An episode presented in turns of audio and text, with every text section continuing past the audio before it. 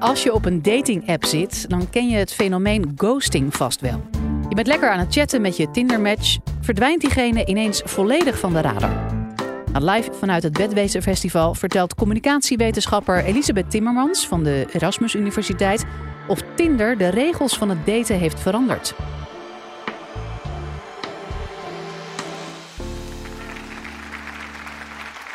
Goedenavond iedereen. Ehm, voordat ik mijn eigen verhaal ga vertellen, wil ik toch graag jullie allemaal drie vragen stellen. Vraag 1. Heb je al eens een relatie gehad? Heb je het al eens uitgemaakt met iemand? Ja, oké, ik ook. Ik hoor daar ook bij. Nu, de laatste en meest belangrijke vraag. Vertelde je ook tegen die persoon dat je dat uitgemaakt? Ja, ja, ja, oké, oké. ja, ik zie, ik zie dat we hier in de zaal allemaal mensen hebben die zich heel netjes aan de juiste datingnormen houden. Want inderdaad, wanneer je het uitmaakt met iemand, is het de bedoeling dat je dat ook communiceert naar de anderen. Maar tegenwoordig gebeurt dat niet altijd. En dat is wat we ghosting, of wat ze in de media ghosting noemen. Dus ghosting is eigenlijk wanneer dat je plots het contact met iemand verbreekt zonder uit te leggen waarom. En ik zal je even vertellen hoe dat het voor die andere persoon gaat wanneer dat die geghost wordt. Dus ik ben een persoon, ik ben heel leuk aan het chatten met iemand. En ineens verbreekt die persoon het contact met mij en ik heb geen idee wat er is gebeurd. Dus mijn eerste reactie is, die ligt in het ziekenhuis. Die is gestorven. Er is iets heel, heel, heel erg gebeurd. En ik krijg helemaal geen antwoord op mijn berichtjes, maar dan check ik Facebook of Instagram. En dan zie ik dat die persoon daar doodleuk nog allemaal berichtjes en updates aan het geven is. En dan weet je, verdorie, ik ben geghost geweest door iemand. Nu, ik uh, doe al jarenlang onderzoek naar online dating en dating apps. En terwijl dat ik vorig jaar reisde ik heel Nederland en België rond om mensen te vragen naar hun online date-ervaringen. En bij vrijwel iedereen kreeg ik altijd hetzelfde terug als het over een meest negatieve ervaring ging. En dat was dat ze geghost werden door iemand. Dus ik had het gevoel van, oké, hier is wel iets aan de hand. Door die dating-apps lijkt het alsof we elkaar meer en meer en steeds vaker gaan ghosten.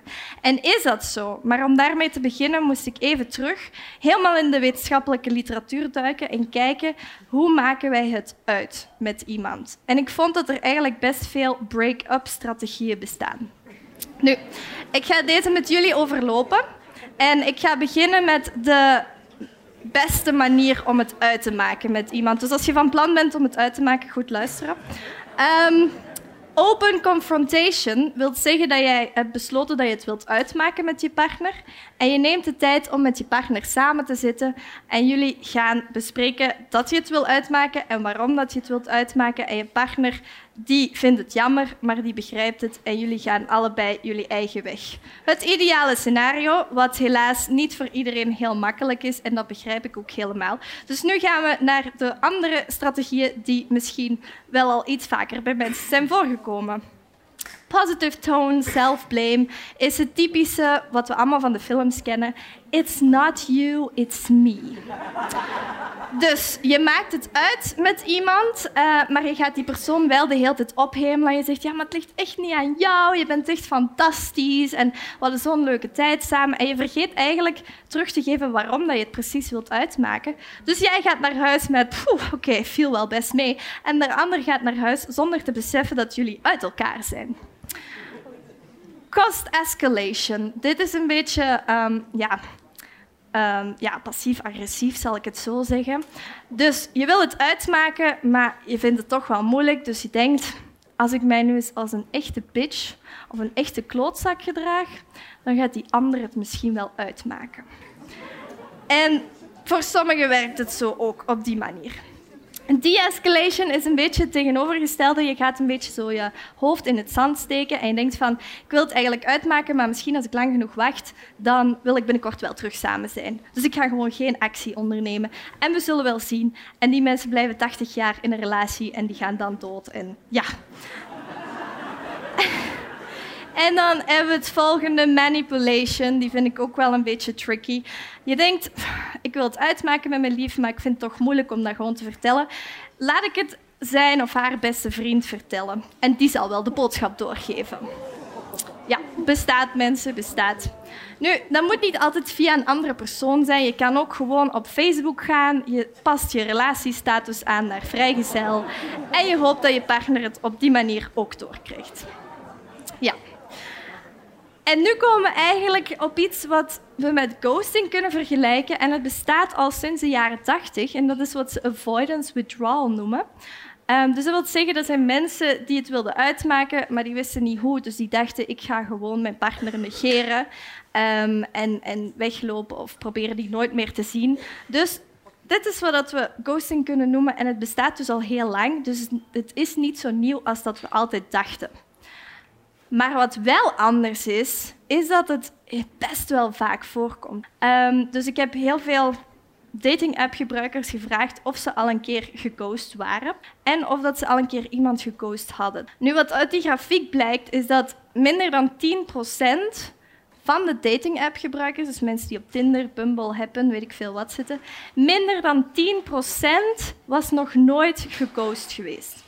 Dus als je een dating-app gebruikt, een dating-app gebruikt, is de kans heel groot dat je een keer geghost zal worden.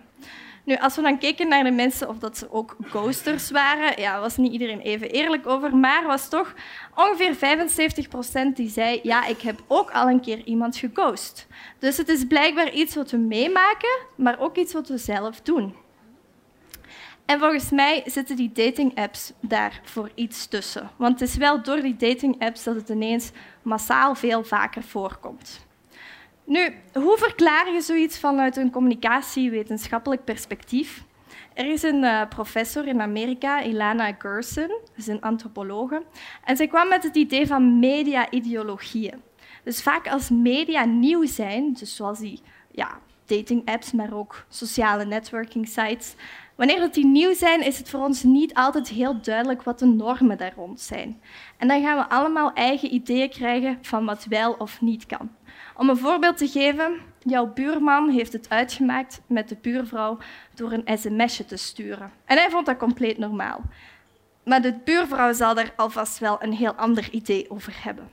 En zo gaat het ook een beetje met ghosting op die dating-apps. Sommigen vinden het helemaal oké dat je geen woorden meer vuil maakt aan iemand en dat je die gewoon negeert. Terwijl anderen zoiets hebben van hm, we zijn op dates geweest of we hebben toch twee weken heel intensief gestuurd. Dan vind ik het wel oké om even te laten weten dat ik verder ga met mijn leven of dat ik het niet meer wil verder zetten.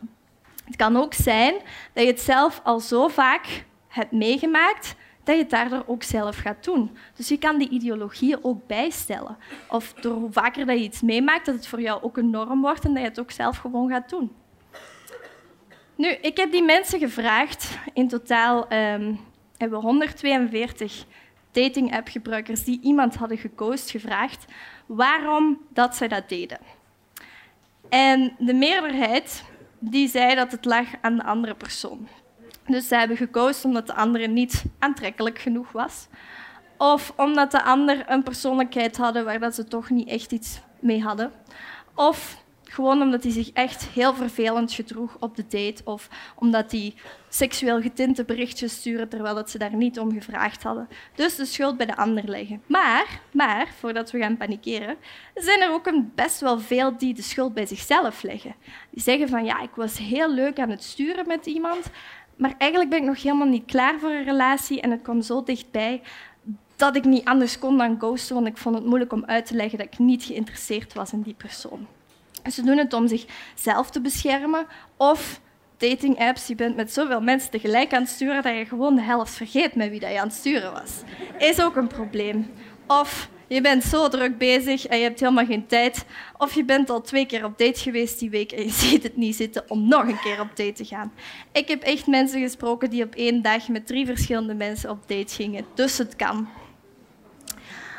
En dan natuurlijk, en dit brengt ons een beetje terug bij die, die ghosting-ideologieën waar ik het net over had. Ja, je wilt natuurlijk ook niet de ander kwetsen. En heel veel mensen denken dat het gewoon makkelijker is om te verdwijnen dat dat minder pijnlijk is voor die andere persoon dan om die echt te moeten afwijzen. Want ja, we worden toch ook niet graag afgewezen door anderen. Dus dan is het toch beter om gewoon niks meer te laten weten. En dan ja, voel je ook niet die pijn van die anderen. En dat is ook een beetje makkelijker voor jezelf.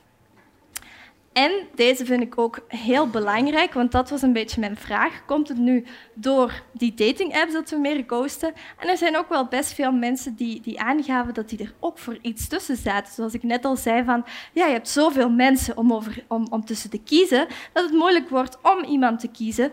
Dus ja, dan denk je, oké, ik kies nu voor deze en de rest vergeet ik even. Maar wat ik ook heel, heel, heel belangrijk vind om mee te geven, heel veel mensen ghosten zonder dat ze het zelf weten. En hoe kan dat? Wel, je hebt bijvoorbeeld Tinder, je bent op date geweest met iemand en je stuurt dan via Tinder een berichtje waarin je zegt, hey, het was echt super gezellig, maar ik zie het toch niet zitten. Ehm, ik ga toch voor iemand anders kiezen, maar nog veel geluk in je leven. En dan verwijder je de match. Maar die andere persoon heeft dat nooit kunnen lezen en die ziet gewoon dat je verdwenen bent, want jouw bericht is gewoon nooit aangekomen.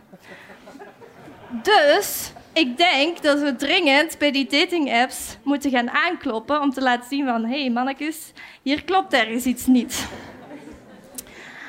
Nu, om een beetje af te sluiten, um, ik hoor heel vaak heel veel mensen zeggen, oh, ghosting heb ik zelf ook al heel vaak gedaan. Nu, hier is een reactie van iemand die gekozen is geweest. Maar je ziet dus dat die persoon zich echt heel ongelukkig voelde daarbij, ondanks dat ze die persoon nog nooit had gezien. En het ergste was dat ze ook eigenlijk helemaal geen begrip of medeleven van haar eigen vriendenkring kreeg. Dus het is niet zo omdat je door het schermpje tussen jullie de pijn van de ander niet ziet, dat die er ook niet is. En er was een wijze man en die zei ooit: Het tegenovergestelde van liefde is niet haat, maar onverschilligheid. En dat is een beetje wat we elkaar aandoen wanneer dat we de ander gaan ghosten.